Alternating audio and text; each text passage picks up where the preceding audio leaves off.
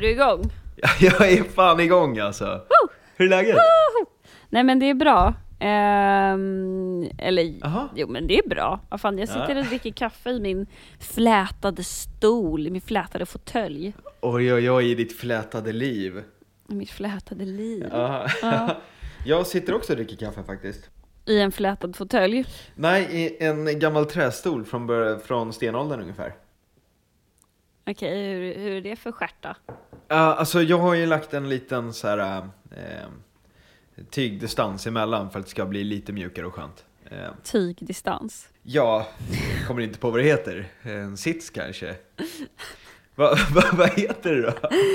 Jag vet inte, dyna kanske? Ja, dina Sittdyna? är det ju såklart, attan. Att du Ja, till och det- med ska maskulinisera en sittdyna Jimmy. Tygdistans. Varför använda vanliga ord när man kan komplicera det? ja, verkligen.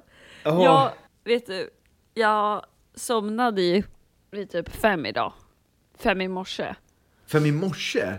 Fem i morse. Nej, varför då? Jo, alltså jag har ju märkt det. Min eh, partner då Mm. är ju en obotlig morgonmänniska. Ja, det är inte lätt Ehm, alltså. Så att liksom, när han kommer igång på morgonen, då är ju inte jag igång på morgonen. Det är Nej. ju liksom 0% chans att det händer. Ja. Eller 0% risk kanske jag ska säga. Ja. Och jag ska förklara varför det är en risk. För att eh, jag har ju faktiskt ett stort ansvar gentemot samhället egentligen. Och det kommer ni få veta varför snart. Oj, Ja, just det. är du som person en viktig samhällsfunktion? Jag är en pelare i samhället. Ja, ja. Nej men själva jag tror att vi pratade om det här i första avsnittet. Det här med att eh, man bara vill knivhugga sig själv på vissa ställen på morgonen. Ja, okej. Ja. Och jag märker ju att när jag är ledig, sakta men säkert, så vrider sig eh, min klocka. Jag liksom är uppe längre, jag sover längre, eller jag sover lika mycket men jag sover liksom längre Okej. in på dagen. Ja. Eh, och sakta men säkert, då slutar det med att, eh, ja, men att jag somnar vid typ fem. Jaha. Och då tänkte jag så här, jag bara, men vad är grejen? Alltså det här är ju liksom ett återkommande fenomen i mitt 25-åriga liv. Eh, det kan ju inte bara vara, du vet, tonårshormoner. Jag tycker att jag är förbi det nu. Eller hur? Ja, det kan man ju tycka. Det kan man ju tycka i alla fall. Ja. Nej, men, så jag så bara, ja men vad fan, jag ska bli en sån där morgonmänniska tänkte jag. Jag bara, nu jävlar, jag ska ta tag i det här och bli en morgonmänniska. Så jag så googlade och hit och dit. Och som jag nämnde i första avsnittet, det ligger i generna. Ja. Okej. Och de säger till mig, internet säger till mig att det spelar ingen roll vad du gör för du kommer alltid ha en inner circadian rhythm. Alltså en inle, inre dagsrytm. Och jag tycker det låter bättre med circadian rhythm. Det låter mer vetenskapligt så därför säger jag det. Jag tycker det låter mer exotiskt. Ja men lite mer mytologiskt på något vis. Ja, ja men det kan jag hålla med om. Ja. Nej, men, och då menar de på att liksom så här, du är en av de viktigaste pelarna i det samhället som har funnits. Jag bara, jaha, okej, ja, jag fattar. Och då Va- säger va? de så här,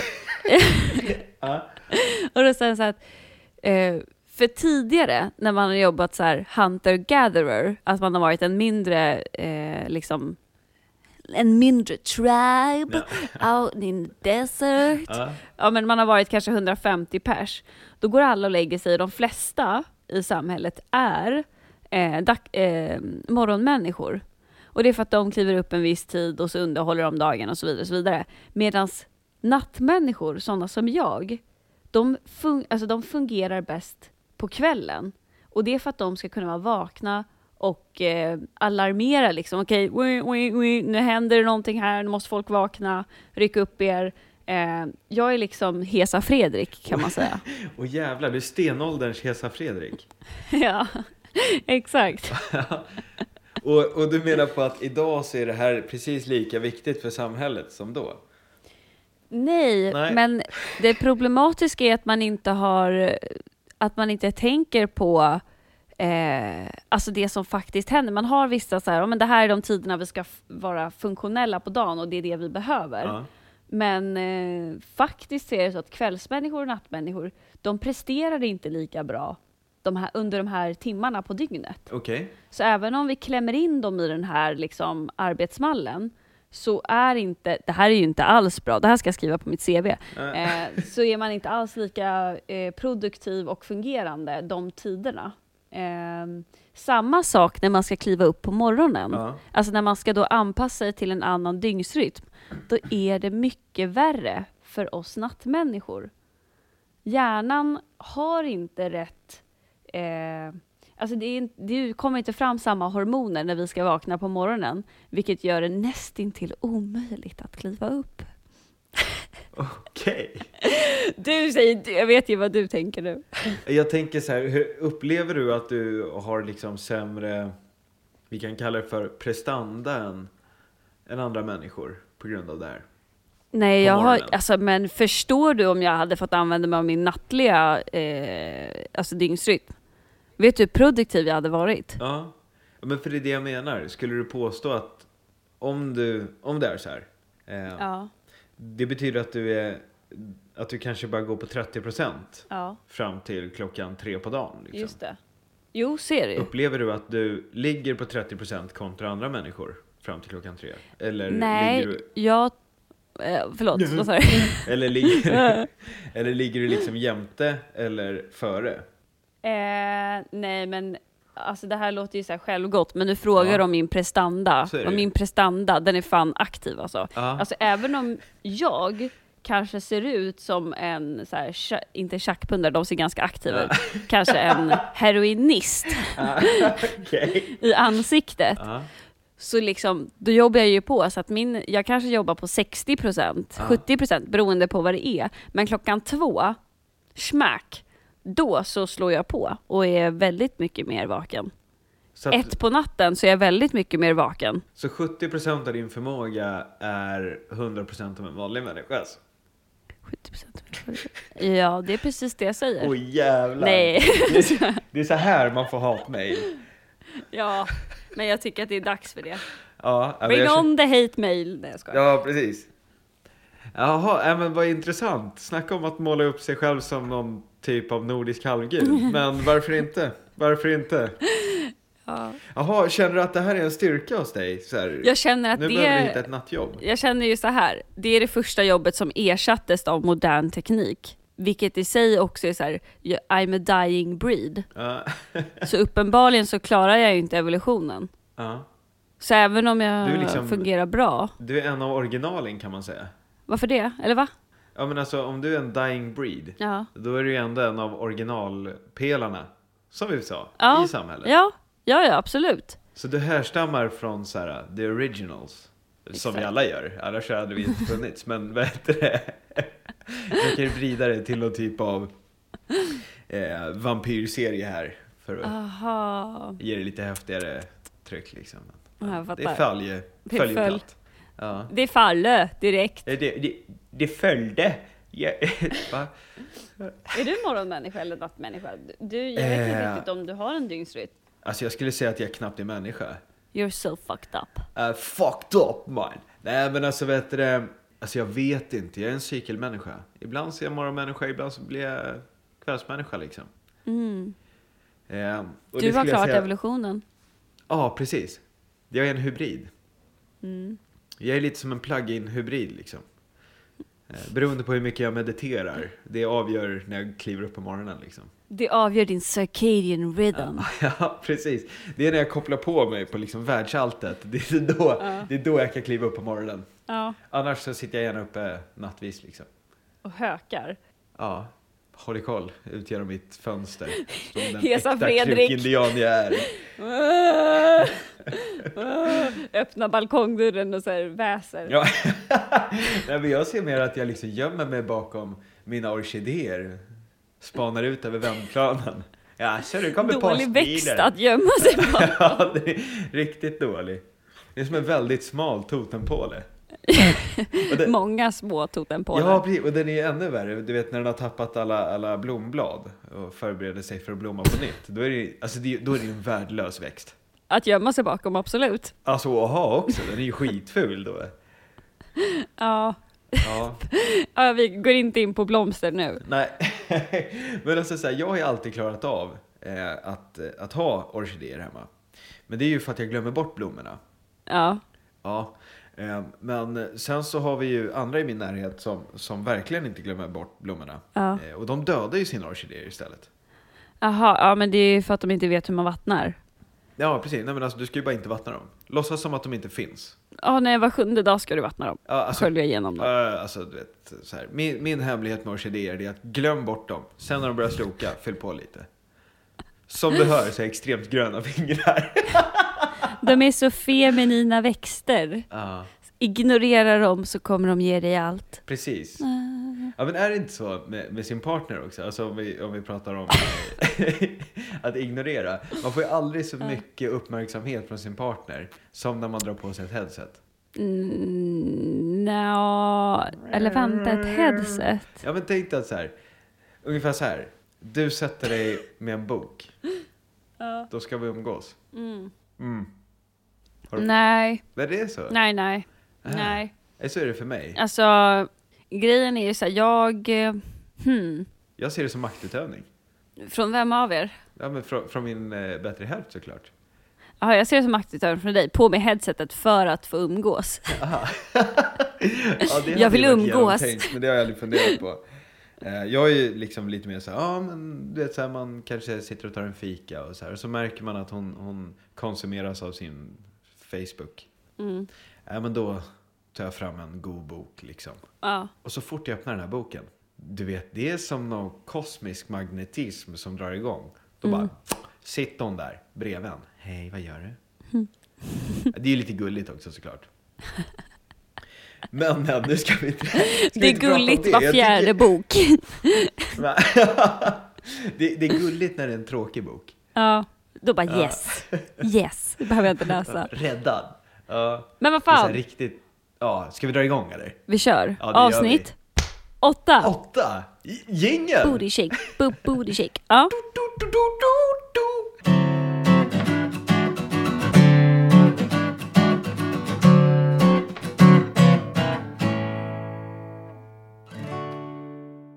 Samhällskontraktet är en överenskommelse som individer ingår i för att lättare kunna tillvarata ömsesidiga värden och intressen. Det betyder att man som medborgare följer lagar och gör rätt för sig genom att bidra med exempelvis kompetens eh, och skattebetalningar. Medan staten då förväntas ge medborgarna sjukvård, eh, skydd mot brott och när vi är äldre och inte orkar jobba längre ska vi få en pension. Eh, Och det där kan jag ju tycka är jätteintressant. Mm. Eh, För jag menar så här, en del av samhällskontraktet är ju då att upprätthålla lagar. Just precis. Eh, Och då, då skulle jag vilja slänga in en fundering här direkt. Om vi då slår igenom lagar som vi själva inte upprätthåller eller tror på. Till exempel rökning på offentlig plats. Vad gör det med samhällskontraktet? Det är ju helt sjukt jävla efterblivet att slå igenom en sån lag. Du tänker att man underminerar lagen i sig, eller vad då? Ja, absolut. Mm. Och um, jag menar så att ha en lag som inte ens polisen själv tror på. Nu säger jag inte att alla är så, men eh, min upplevelse i närtid är att folk inte bryr Mm. sig. Och om vi då har en lag som säger att du inte får göra det här. Det indirekt gör att du underminerar Mm. lagen. Så fruktansvärt otaktiskt. Ja, verkligen. Men samhällskontraktet, vad, vad, vad tänker du? Det känns ju som att det verkligen är i ropet just nu. Ja, absolut. Det är det ju verkligen. Mm. Eh, och det är väl egentligen för att varför det är i ropet just nu också, det är väl också för att folk blir oroliga för egentligen hur det går för vården. Eh, och sen också för att ja, det verkar lite mer kaotiskt med sadi- sadistiska brott och sånt där. Mm. Jag antar att det är därför man börjar kanske fråga, ställa de här frågorna. Ja. Eh, och man undrar, ja, vad får vi för pengarna så att säga? Ja, precis. Men vi kanske ska börja med så, vad, vad, är, vad är samhällskontraktet? Alltså i helhet. För jag menar, en av grundpelarna är väl ändå nattväktarstaten i ett samhällskontrakt. Ja, du tänker så. Ja. Mm, jag fattar. Ja, men vad är det då? Det finns ju lite olika intressen, så att säga. Vi pratade tidigare, så, ja, men vad är det? Det gäller för staten och det gäller för pöben, oss medborgare alltså. Vilka delar, vem ansvarar för vad? Och då finns det ju såklart ett större intresse för vissa delar från ena parten och ett större intresse för andra delar eh, hos den andra parten. Och då har vi exempelvis då nattväktarstaten. Mm. Eh, där har vi då mest det statliga intresset där vi pratar om försvar, polis, domstolar, fängelser. Egentligen de delar staten tycker är intressant för att reglera eh, pöbens, eh, vad ska man säga, beteenden kan man ju säga. Alltså egentligen kunna Eh. upprätthålla typ så här lag och ordning så att inte man tar en massa saker från varandra. Ja, lite så. Alltså att det finns ett system som, eh, som beskyddar dig som medborgare. Ja, precis. Och det är en av grundpelarna i samhällskontraktet. Alltså, jag, vi ska inte flyga iväg på det här nu också. Det är absolut ser det ju för att skydda medborgarna mot liksom, de här grejerna. Men en viktig del med polis, försvarsmakt också, när man pratar om nattväktarstat, det är ju också att kunna reglera eh, personer som anses vara ett hot. Det är också därför det också är en mer statlig eh, angelägenhet än vad det kanske är en medborgerlig. Förstår du hur jag tänker då? Ja, jag förstår. det liksom fyller ju ett skyddssyfte men också ett annat skyddssyfte. Men det, det är inte det vi ska gå in på här. Nej. Ehm, och sen har vi exempelvis statliga angelägenheter såsom järnväg, riksvägar, större broar, att kunna underhålla det. Vi har ehm, för medborgare trottoarer, vägar, el, utbildning. Sen har vi ju lite delad angelägenhet som pension, socialvård, arbetslöshetskassor, näringsstöd. Mm. Och sist, längst ut, på det som statligt inte anses som kanske det viktigaste, men som vi som medborgare kanske anser är en av de viktigare delarna. Hälsovård, sjukvård, äldreomsorg, barnomsorg, handikappsomsorg. Det är väl egentligen den delen man sist... Det är egentligen bara för medborgarens intresse Mm. i det stora hela kan man säga. Precis. Om vi skulle förenkla det här jättemycket så är det egentligen eh, samhällskontraktet det eh, balansen mellan vad du betalar i skatt och vad du får ut som medborgare av skattemedlen. Mm, Rimligt. absolut. Okej, hur skulle du säga att du upplever samhällskontraktet idag? Skulle du säga att det upprätthålls eller inte? Ehm, så här, vad vi kan se, eh, om vi då bortser från corona-grejen eh, som händer nu, om vi bara ser till eh, hur det har sett ut innan dess. För att just nu så är det så här, ja, alla i världen lever på ett ganska så här skört, skört läge nu. Så att jag tycker att vi utgår ifrån en normal situation eh, hur det ser ut då i exempelvis vården och i exempelvis så här brottsligt. Och jag tyckte att det var ganska intressant för att vi har ju så fått höra mer om skjutningar, vi har fått höra mer om bombattentat, speciellt i exempelvis Malmö. Men vi har också fått höra om i Stockholm att det har blivit mer våldsbrott, mer sadistiska skumma brott liksom. Mhm. Ehm, och det här har man ju liksom inte riktigt hört tidigare. Och då tänkte jag så här, men hur ser det egentligen ut då? Alltså statistiskt. Mm. För det är ju ganska intressant att veta så här, men eh, om vi jämför med tidigare år. Och då är det ju egentligen så att statistiskt sett så har det ju inte ökat jättemycket. Utan det har varit en ganska normal stigning. Alltså om du jämför med befolkningen så är det en ganska normal stigning. Okej. Men en intressant aspekt är också, som Brå påtalar, alltså Brottsförebyggande rådet, att ja, statistiken ser ut så här, men samtidigt så har vi ju något annat där vi mäter brottsanmälnings... Eh, eh, vad säger man? Brotts... Folk är mindre... Vad heter det? Benägna. benägna, brottsanmälningsbenägenheten, den är mycket lägre.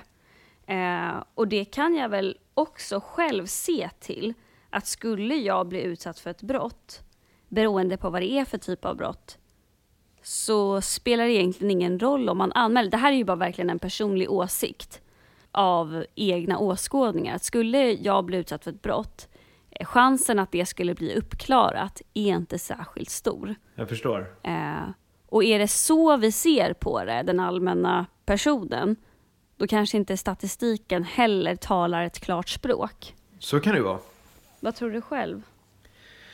Eh, vad tror jag själv? Alltså, när jag tittar på upplevelsen av det här. När jag ser på folk runt omkring mig så ser jag ett svagt stöd. Eh, och tilltro till polisväsendet bland annat. Eh, och det tycker jag är tragiskt. Ja, verkligen. Speciellt med att det är en så grundläggande del av samhället. Absolut. Eh, och jag menar så här, jag tror att... Alltså, jag menar varför har det blivit så liksom? Va- varför, varför är det upplevelsen? Nu talar inte jag för alla, utan jag talar bara från, från min vy i trädgården liksom. Alltså jag, jag får känslan av, det är mycket här, "Ja, men det blir inte, har inte rätt budget. Vi kan inte lägga pengar på mer polis, exempelvis. Och att det är liksom där det brister. Ja. Men jag vet inte riktigt om, alltså nu i efterhand så är det så här, ja nu måste man skjuta in pengar för att eh, kunna bygga upp kompetens hos poliskåren. Men känslan jag får är att man inte har hängt med. Vi har gått från att, eh, vi har ganska vanliga typiska brott som har funnits. Sen så har vi gått över till skottlossningar, bombningar, eh, sadistiska våldsbrott. Eh, och att polisen kanske inte är med i den svängen, i det bytet av typ av brott. Det är den känsla jag får. Jag vet inte riktigt om det har med budget att göra. Det är just nu i efterhand budgeten för att få dem att hänga med. Okej. Baserat på en a hunch. Ja. ja, jag förstår. Eh, ingen aning, jag har inte ens funderat på det. Nej. Ehm, så kan det ju vara. Alltså, Ja. så här, vad, vad jag ser så är det väl det är en jävla massa pappersarbete istället för polisarbete liksom. Ja, okej. Eh, det är väl så min upplevelse är. För jag menar, när man, alltså, när jag, så här. Eh, jag tycker man ska göra det man är bäst på och man ska till exempel låta poliser vara poliser. Eh, Och göra det, göra skillnaden. Eh, och sen så kan man ha andra som skriver papperna åt dem. Så att de får göra det de är bäst på hela, hela tiden. Och det där tycker jag ser man, man ser i hela samhället. Att det ska mer loggas än att eh, eh, göra grundutförandet. Som till exempel eh, lärare ska mer logga vad eleverna gör. Än att faktiskt lära ut. Eh, när man kollar på sjukvården så känns det som att eh, läkare har mer pappersarbete än att vårda mm, än att liksom få göra det de är bäst på. Och egentligen kanske vara handgripligen på eh, i skarp situation. Eh, om man då kollar på polis så, nu är ju inte jag polis, så jag vet inte. Men att det är en jäkla massa pappersarbete inblandat med det. Eh, istället för att kanske upprätthålla lag och ordning istället. Ja. Och att så här, själva, själva systemet bakbinder själva polisväsendet. Mm. Och det kan jag tycka är tråkigt liksom. Du tänker att det är en del av att det ser ut som det gör eller att det är ett, en, av, ett, en del av problematiken bara? Jag tror att det är en del av problematiken. Ja. Jag tror att, eh, alltså så här, och, och det här är väl kanske mer ett symptom. Mm. Eh, än själva problemet. Mm. Som det mesta. Mm. Just precis.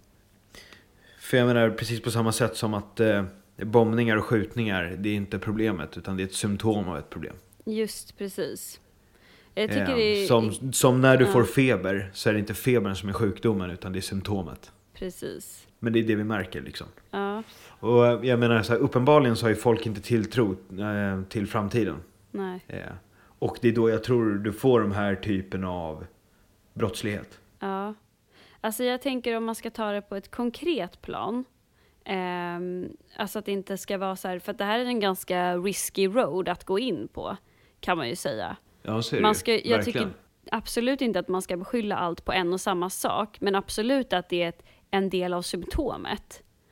Ja men så är det ju. Och så här, att skylla allting på en och samma sak, det är ju det är ignorans. Precis. Verkligen. Alltså det är det är så många delar som spelar upp till där. Mm, absolut. Och jag tänker, jag... Eh, om vi kollar rent krasst, så, ja, men vem är det som ska upprätthålla kontraktet mot oss då? Ja, men det är ju vår statliga, vår statliga vän. ehm, som ska upprätthålla den här andra delen av samhällskontraktet som vi har pratat om. Du tänker på politiker då? Precis. Ja.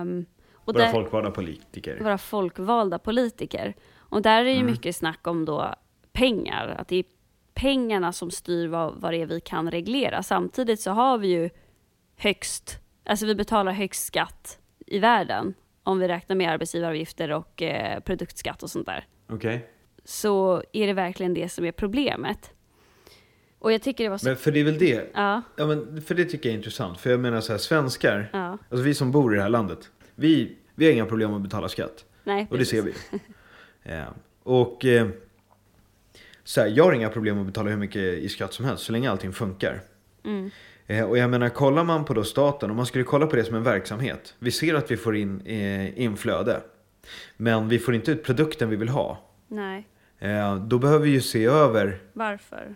varför vi inte får den produkten vi vill ha. Just precis. Eh, och inte öka skatteintäkterna, för det är inte där problemet är. Problemet är att vi blöder pengar någonstans. Och jag menar så här, jag tror att det finns så många ställen som man kan effektivisera Mm, och egentligen få det bättre. Och där om vi kollar på då liksom Moderaterna till exempel, då, deras, deras lösning på det, det är ju att eh, göra det privat istället. Eh, för privata företag är mer effektiva. mm, Ja, visst. Men då kommer det en fråga nummer två. Så här, vill vi ha allting privatiserat? just det. För det öppnar ju för en annan problematik. Om vi Korruption. säger att vi privat- privatiserar hela sjukvården. Ehm, då kommer det ju oundvikligt bli att du får, kan betala extra för att gå före i kön till exempel. Just precis. Ehm, eller till exempel att man maximerar vinst på ett sätt som gör att det inte Det är inte för hälsans skull, det är för vinstens skull. Ja, precis. Ehm, och då, kom, då kanske man reglerar med lag att ja, men man får inte göra mer än så här mycket vinst. Mm. Så här, ja, men vad bra, men då, hyr, då start, startar de bara ett annat företag, Precis. hyr sängar från det företaget för Ja, hur mycket precis. pengar som helst. Och sen så tömmer man företag på vinst på det sättet istället. Och så går pengarna direkt till Caymanöarna liksom. Eh, och, och det är det där som jag kan tycka är ett problem. Alltså så här. Det känns ju som att samhällskontraktet lyckras upp på grund av att vi Ja, blir mer och mer individualistiska. Ja.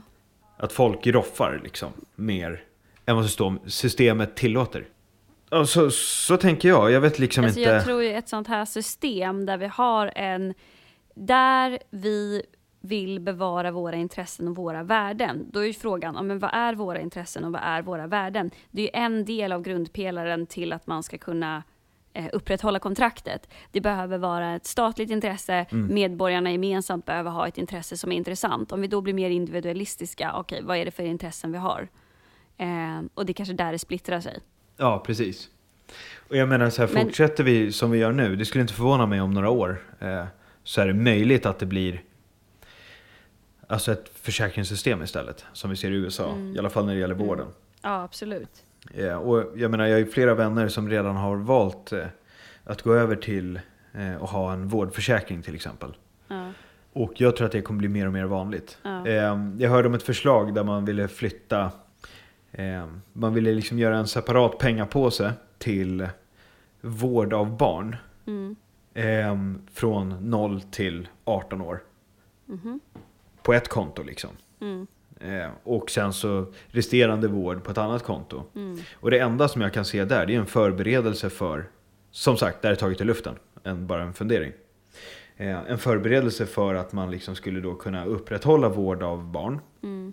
0 till 18, och då su- successivt kunna avveckla eh, vården för resterande. För efter 18 år då så får du skaffa en försäkring istället, Just till det. exempel. Och det är inte omöjligt Nej. att eh, det blir så. Och jag tror att det är därför det blir så...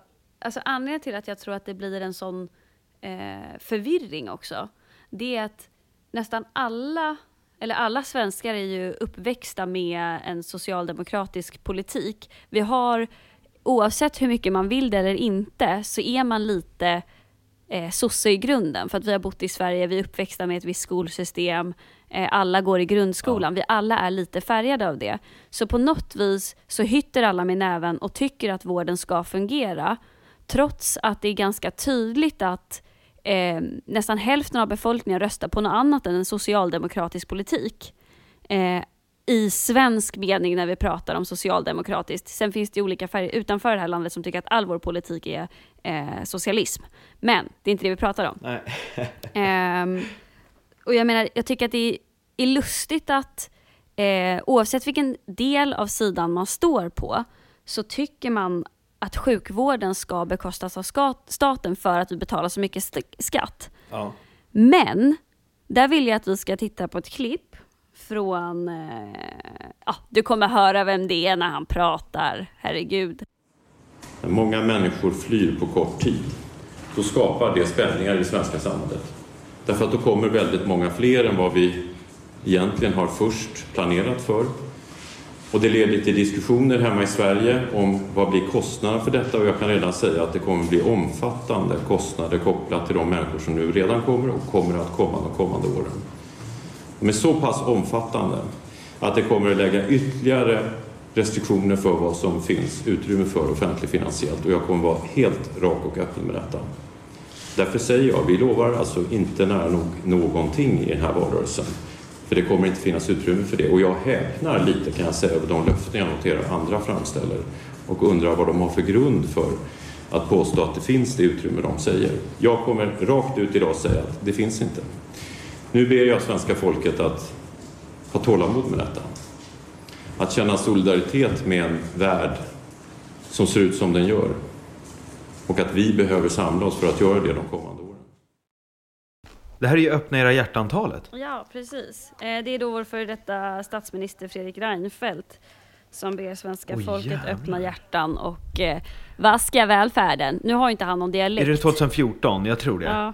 Tyvärr så har han ingen dialekt, men det hade varit mycket roligare. Varför blir allting bättre med, med, med dialekt? Gotländska. Det blir bättre bara. så är det Det är ju. mer karaktär så. Jag skulle vilja höra ett, ett riktigt Men- så här, ödestal med, med, med norsk accent. Det hade varit roligt. Vi kan, vi kan leta upp det till ett annat avsnitt. Ja, nice. Ja, men jag tänker så här, eh, för er som inte vet eh, Vaska välfärden.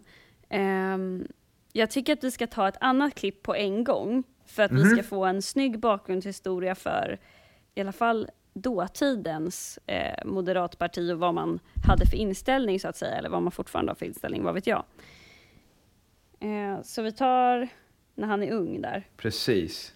och sitter Då i han är ordförande för MUF. Sitter Fredrik Reinfeldt. Just det. 90-tal någonting. Välfärdsstaten är omöjlig som konstruktion därför att det blir, du får en stor andel av befolkningen, alltså en majoritet som är för sin försörjning och överlevnad är beroende av statliga bidrag och kommunala bidrag. Det är lite Luthers katekes över det här då, att man ska, man ska inte må så bra för att det är bättre om, om man jobbar och sliter och har, är orolig för morgondagen. Ja, jag måste ge ärliga svar. Jag måste ge en tydlig signal till svenska folket att tro inte på bidrag i framtiden, tro inte på politikerna. Nej, vet du, alltså det är ju sant att så, ja, men politikerna lovar mer än vad, vad de kan betala för. Liksom. Ja, så är det ju. Eh, men å andra sidan så säger han också att eh, tro inte på politiker. Eh, och då kan man ju välja att ta det som att tro inte på deras vallöften för att de inte har råd att betala. Eller tro inte på vad de säger för att man har en annan agenda. Just. Eh, och där är det upp till en själv att vara den personen. Dra slutsatsen. Ja, precis.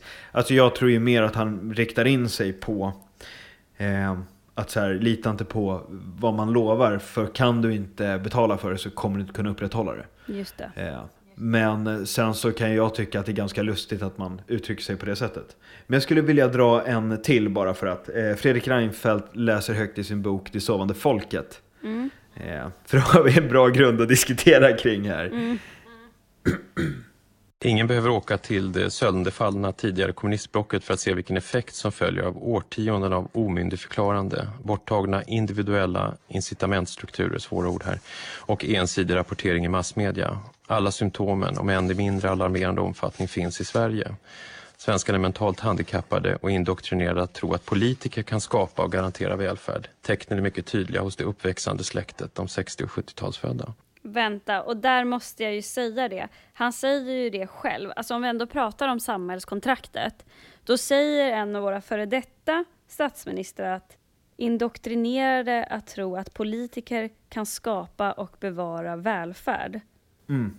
Och det är ju liksom en av de sakerna vi har tagit fram i samhällskontraktet för att vi ska ha den här skatten vi har, Mm. det är ju att de ska bevara och finansiera välfärden. Mm. Det är en del, men det som kommer härnäst, det, det, det han säger i öppna era hjärtantalet. För det första kan vi säga, grundtesen, vad han nu känner inför det här, det är att vi, eh, vi tror inte på välfärden, vi vill inte ha det systemet, basically. Ja. Och att svenska folket är efterblivna som tror på det här systemet. Ja. Det är den statsminister vi har haft och det är det han har sagt. Ja, och det är sant. Eh. Och vet du, så här, någonstans, så här, i mig så känner jag så här. Jag tycker, jag har ju, när, i den här gamla intervjun från någon gång på 90-talet. Ja. När han har precis lanserat sin bok, Det sovande folket. Och han talar i, i klarspråk liksom. Det kan jag ha respekt för. Även om jag inte håller med honom. Ja, absolut. Så kan jag känna så här, fan vad skönt att det här bäddas inte in i något bummel. Nej! Eh, Men när man tar det, lägger det bredvid öppna era hjärtantalet. Som vi också bara såg i media utklippt, så här, öppna era hjärtan, nu har vi problem. Eh, Och så tar vi det som man säger innan. Där han i princip, där han indirekt säger att vi kommer ändra vårt samhälle i grunden. Eh, och det kommer kosta satan. Och när vi kommer ut på andra sidan av det här så kommer det inte se likadant ut. Just det. Det som blir Du menar med öppna era hjärtantalet eller? Precis, och det som blir konstigt då det är att man rätt, eh, retoriskt senare menar på att vi var naiva. Just det. Vi var inte naiva. Nej, för han säger vi hade ut. full koll på det här priset. Och det som jag menar på, för mig spelar det ingen roll om det var rätt eller fel Nej. att man har gjort det här. Jag menar på att det är folket som ska få informationen och Mm. få välja. Just det. Eh, att säga, att, att lova någonting som man inte kan leverera, det tycker jag är fel. Men det skulle jag säga är det vanliga idag. Ja. Min upplevelse av en, en, val, en valperiod är att säga så mycket som ligger i ropet just nu och lova saker som folk vill höra tillräckligt mycket för att få så mycket makt som möjligt för att sen köra sitt enkel, ja, gå tillbaka till det man har tänkt från början. Men Eh, Får jag och bara det flika in viktigaste en igen, ja, Alltså, jag tycker att det du säger här nu, det är ju också, det går ju lätt att förklara med exemplet på det här talet, öppna era hjärtan. Jag tycker att den talar för sig själv. För att han säger rakt och tydligt, det kommer att kosta välfärden. Ni kommer inte ha välfärden kvar, för att eh, migrationen kommer att vara så stor och omfattande att det, det, vi kommer behöva lägga mycket pengar på det. Ja. Och det vi får betala för det, det är vad ni medborgare har prioriterat högst och det vi staten har prioriter- prioriterat lägst. Sjukvård, eh, äldreomsorg etc. etc. Det är det det kommer att kosta. Mm. Men ändå så går svensken och blir förvånad precis, för det är det som blir över konstigt. att vi inte har sjukvård. Ja, men- Precis. Och där, vänta stopp, där har vi det största problemet. Politikerna har talat, han har berättat vad det är, ändå blir folk förvånade. Är man då intresserad och insatt i de faktiska kostnaderna som medborgare? Kanske inte. Jag tror att man är lat. Ja, det kan också vara så att man vänt, förväntar sig att bli serverade. Eh, Som det sovande det? folket. Ungefär så. Alltså, vad heter det? Tar inte Dagens Nyheter upp just den här texten på första sidan så är det tydligen inte tillräckligt viktigt för mig som person att eh, få veta det liksom. Det. För uppenbarligen så prioriterar jag det inte tillräckligt högt för att faktiskt lyssna på hela talet. Och som Fredrik Reinfeldt säger i, sitt, i Sovande folket att mm, eh, kontentan, jag har sån tilltro till systemet, till journalister, att den informationen jag behöver tar jag inte reda på själv, utan jag ska bli serverad den. Nej men precis som du säger. Alltså, och så här, jag skulle vilja dra en parallell mellan eh, hur man ser på det här. Eh, det här. Som att säga, vi har varit naiva. Jag skulle vilja säga, eh, va? Blev det vinter i år igen? Och jag som har sommarsulor på bilen. Fan, vi har varit naiva. Ja men alltså så här, det, det är för mig helt jävla efterblivet. Vänta, det är exakt, jag håller verkligen med. För jag tycker att, eh, jag kollar på den här eh, Hans Jensevik, en nationalekonom. Ja. Eh, och han pratar mycket om så här, för nu pratar vi ändå om migration. Och då tar han upp så här, det finns eh, migrationsteori i eh, nationalekonomisk lära. Eh, då finns det något som heter migrationsteori. Okej. Alltså det bästa sättet ekonomiskt för ett samhälle att fungera med migration. Eh, och då pratar man mycket om assimilering för att det är det bästa för det ekonomiska systemet. Alltså nu pratar vi inte om eh, emotionalitet, vi pratar om det ekonomiska systemet. Okej. Eh, och det vi har gjort, vi har ju inte assimilerat, vi använder inte ens det ordet, utan det gör man i, i den här teorin. Eh, vi har inte gjort det, utan som vi ser i exempelvis bombningarna i Malmö, så har vi gängmedlemmar som även pratar om så här, men vi, de har stoppat oss på en plats och nu är det vi som har tagit över här. Eh, och att svenskarna bryr sig inte, eh, exempelvis. och det är ju inte ett tecken på assimilering. Alltså vi har gjort alla steg fel enligt migrationsteorin. Vilket också gör då, som Fredrik Reinfeldt säger, det kommer att kosta pengar. Nationalekonomen säger att det kostar pengar, det första ni drar in på kommer vara eh, äldreomsorg, vård och så vidare och så vidare. Och att vad man än lovar att kunna lägga pengar på äldreomsorg och inte, det är liksom, det går inte. Pengarna ligger redan på ett annat ställe. Du ställde ju frågan i början Ja. av när vi började prata om det här. Ja, men tycker du att vi upprätthåller samhällskontraktet? Mm. Eh, vi pratade lite om brott och brottsstatistik och du vet sådär, till, eh, tilltron till det. Mm. Men eh, jag tänker också att vi ska dra ett exempel från eh, sjukvården och den delen vi, eh, av samhällskontraktet. Vi Ja. pratar ju om vårdgaranti, att det är liksom det staten garanterar för oss som privatpersoner att kunna få vård i rätt tid. Och det finns en jätteintressant Instagram som heter sju, Stockholms sjukvårdsupprop. Och jag tänker innan vi slår igen här ska ni få er en... Det är det Är olika... det anonyma vittnesmål eller? Ja, precis. Alltså, Eh, som heter Stockholms sjukvårdsupprop. Okej. Det är en Instagram som samlar historier från läkare, sjuksköterskor, folk som jobbar inom vården, Ja. eh, som får lämna vittnesmål om hur de upplever sin arbetsplats runt om i Sverige. Då. Jag förstår.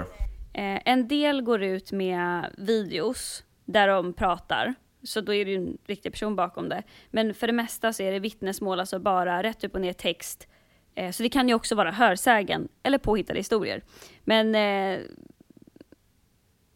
jag tänker eftersom att vissa går ut med ansikte och att det här är en del av att samla in eh, röster, eller vad man ska säga. Det är Så- intressant. Man får ta det för vad det är. man får ta det för vad det är, helt enkelt. Och jag tänker att vi ska avsluta det här samhällskontraktet. Det är ett seriöst ämne. Vi avslutar det på ett seriöst vis med ett vittnesmål från en person som jobbar i vården. Eh, vittnesmål 382. Blir i egenskap av intensivvårdsjour kontaktad av akutläkare tidig natt angående en ung patient med, missbrukar, med missbrukshistoria som plötsligt fallit ihop. Enligt uppgift från kamrat till ambulanspersonal eh, efter intag av narkotika kvicknat till men betett sig stökigt. Bedöms relaterat till narkotikaintag. Nu stabil, sovandes men adekvat väckbar. Förordrar skiktröntgen av hjärnan och ny kontakt därefter vid behov vid försämring. Ingen återkoppling kommer under hela natten, men blir sen kontaktad av morgonskiftets akutläkare som precis börjat. Då patienten är helt medvetslös efter att ha legat i ett bås utan regelbundna kontroller upprepar föregående rekommendation, nu med narkos närvarande. Patient visar sig ha en stor hjärnblödning, transporteras urakut till neurokirurg- neurokirurgen, men patientens liv gick inte att rädda. Som orsak till varför skiktröntgen ej gjordes tidigare angavs för låg bemanning på akuten för rådande patientsbelastning. Ja, jag vet inte ens vad jag ska säga. Nej, och där tänker jag så här, vi avslutar samhällskontraktet där Ja, och så får man lämna det till en, som en funderare för sig själv. alltså jag menar så här. Alltså vill, vill vi ha det så här? Jag blir, jag blir bara upprörd. Nej, vi släpper det där. Jingel. Ja, jingel.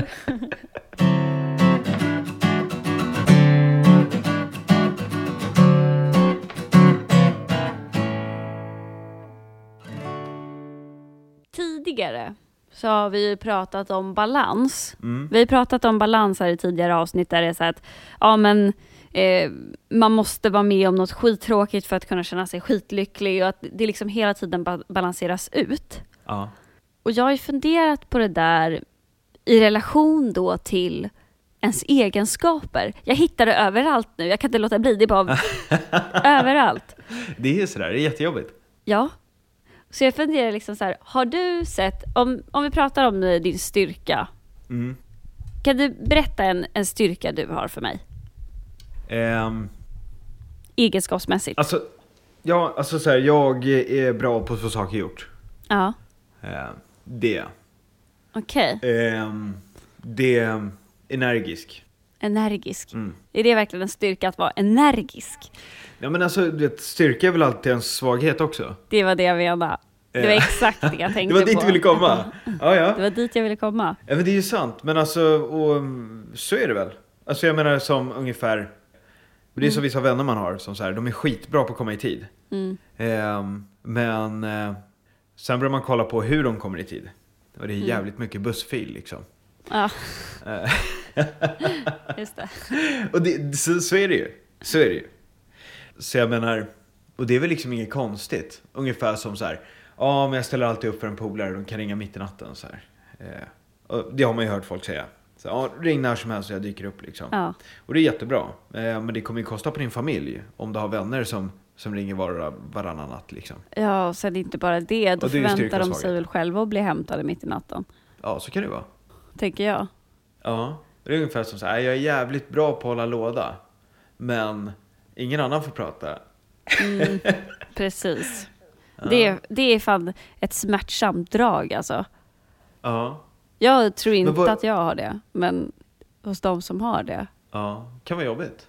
Ja, verkligen. Men, Speciellt jag som har en urinvånare i mig som hatar att inte bli hörd. Ja, ja, en urinvånare. Ja, precis. Den här väktaren. Väktaren.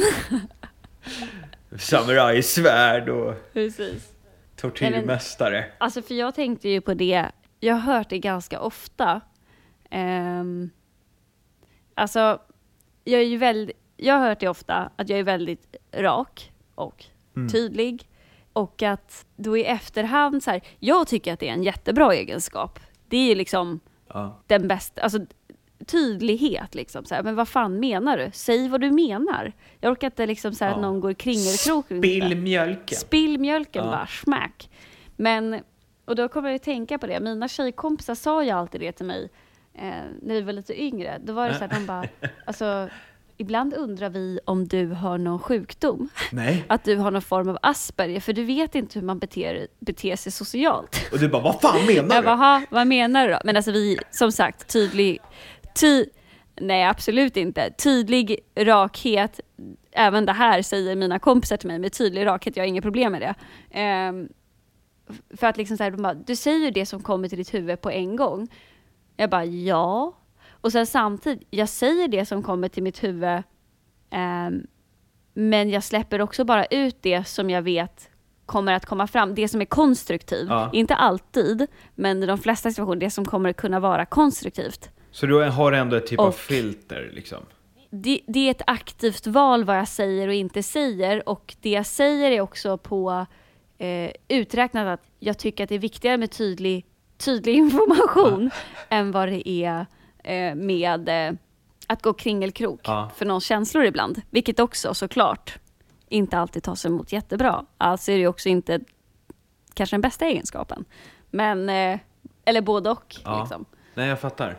Och så här, det är väl det som jag tycker är intressant. Så här, alltså, för jag menar, du kan ju då uppfattas som en ganska oskön människa liksom. Mm, absolut. Speciellt i nya sammanhang.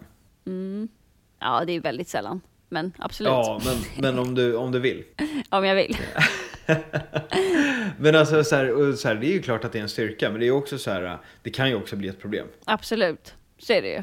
Eh, som så här, eh, säger du alltid vad du tycker? Mm. Ja, det kan ju vara jättebra. Mm. Men eh, sitter du på en eh, familjemiddag så kanske inte det är rätt forum för att säga vad man tycker. Just det. På tal om det, eh, igår när vi var ute och promenerade Ja. så träffade vi på en tjej som hade en jättesöt hund, en trollare tror jag det var. Vi bara, "Åh, vad är det för ras här? Aha. Hon bara, "Ah, det är en... Och så började hon prata med oss. Då blev hunden så här stissig och bara började så här woffa lite. Att, och den var så här taggad så den trampade samtidigt. Den var så jävla taggad. Och så började den så här, uh, så fort hon började prata med någon. Jag bara, nej han är skitnödig. Ja. Och, och hon typ bara, eh... eh... Jag bara, ja, ha det bra då, hej då. typ så här. För samtidigt känner jag så här, jag säger det för att jag tycker att det är kul för att han såg skitnödig ut. Du var, för dig var det... Men vissa tycker att det är jobbigt att säga skit. Ja, men det var inte så viktigt för dig. Nej, Om hon tyckte det var kul eller inte. huvudsaken var att det var kul för mig. Ja, ja precis. Och så, men hon kanske faktiskt trodde att... Alltså hon, hon tänkte så här, ja hon tror att hundar trampar omkring sådär när de är bajsnödiga. Det är, så jävla, det är så jävla dumt. Men det säger mer om henne än om någon annan kanske. Det är kanske är svårt att se det. glimten i ögat på dig, eller? Jag vet inte, kanske. Då får du helt enkelt glimra till lite med ögat och kanske blinka. För det gör ju människor som, som inte har glimten i ögat tillräckligt tydligt. Då blinkar de med ena ögat. Det har jag sett på TV. Jaha, de har verkligen övertydligt så här, psykopatdrag. Mina ögon kan inte Nej. glimta, så jag blinkar med mina ögon istället. Wink, Alltså, för det wink. kan jag också tycka så här, alltså människor som inte känner mig jättebra, när jag skämtar så kan de tro att jag är fullständigt allvarlig. Wink, wink. Ja, men liksom så här, alltså det kan bli så dålig stämning. Så här, jag satt i en Mm. Du bar bara inte rolig då? Nej, men alltså jag, så kan det vara, det kan vara att jag är skittråkig liksom. Nej, men jag satt i en bar här om sistens och, och vet du, han bara, "Åh, jag vet inte, han anspelar väl på att jag var lite speciell. Typ så här. Mm, Att, jag, att jag, jag vet inte, han trodde väl att jag hade Asperger. Jag typ bara körde stenhårt på det. Det var jätteroligt. Han tyckte inte det var kul alls. Nej, Men jag hade kul. Ja, men alltså det var ungefär som dig och hunden där. Ja, Det spelar ingen roll Precis. Om det var kul för personen mitt emot. Det var ja kul men, för mig. för, grejen är, jag kan känna att man gör ganska många saker ironiskt. Alltså typ som där att du kör Asperger-grejen. För du vet Ja, eller- att han tycker att det är jobbigt. Precis. Så du gör det för att du är liksom Ja. du är medveten om situationen, förstår du? Som att man gör lite så galna saker ibland, att man bara Ja. gör en kullerbytta bara för att man tycker att det är kul. Och folk kanske tycker det är jättekonstigt, men jag är medveten om att de tycker det är konstigt, därför Ja. gör jag det. Och sen så skrattar jag inte ens Nej. för att Precis. det- jag gör det typ ironiskt. Men alltså, och det där, ja men alltså det är väl en typ av frihetskänsla. Ungefär som så här, jag kan, jag är 30 år gammal och kan gå balansgång på typ så här gatstenen. Ja, För att det känns så jävla mycket frihet. ja. Eh, och det kan ju se jävligt konstigt ut när en 30-årig man går balansgång i sin ensamhet med hörlurar på när man är ute på promenad. Liksom. Eh, och jag har liksom inga problem med det. Nej. Och så här, äh, i värsta fall så har väl någon sett det och kanske tänkt, vilken dåre. Ja. Då har den ju ändå fått tänka någonting. Är det liksom nersidan av eh, frihet? Ja. Social frihet, kan man säga så? Galenskap. Vad är nersidan av social frihet? Åh shit. Craziness. Uh, du, det, så här, jag håller på att kissa på mig. Ja, skulle behöva gå på toa. Och sen så skulle jag behöva avsluta faktiskt. Ja, you're, you're socially accepted to go to the bathroom. Ja, jag förstår. Mm. Men vet du, är vi klara med avsnittet? Jag tror det. Ja. Men Socially alltså, accepted, go to the bathroom. verkligen. Eh, Jättekul att spela in med dig idag. Eh, det blev väldigt seriöst måste jag säga. Ja. Och sen måste jag säga att det, det är svårt med, eh, som sagt, vi kör ju på distans idag med. Ja. Det är mycket svårare alltså. Det är svårt att ha skrattkul. Utan att liksom... Skrattkul. Ja, men du vet så här. Ja. Du vet som när man kollar på en Fniss. serie. ehm, och det är underhållande. Men det är inte skrattkul. Nej, Det är inte som att du så här, bryter ut i skratt. nej precis. När du kollar på Simpsons liksom. ja. Men du kan titta på det för underhållning i sig. Du, du andas hårt genom näsan när du ser det. Ja, precis. Ah, ja, men gå på toa då och vi Ja. hörs nästa, nästa vecka. Det gör vi. Eller vi hörs innan det. Men... Ja. ha det bra så länge då. Hej, hej! Ja, ha det. Hej. Ciao, ciao!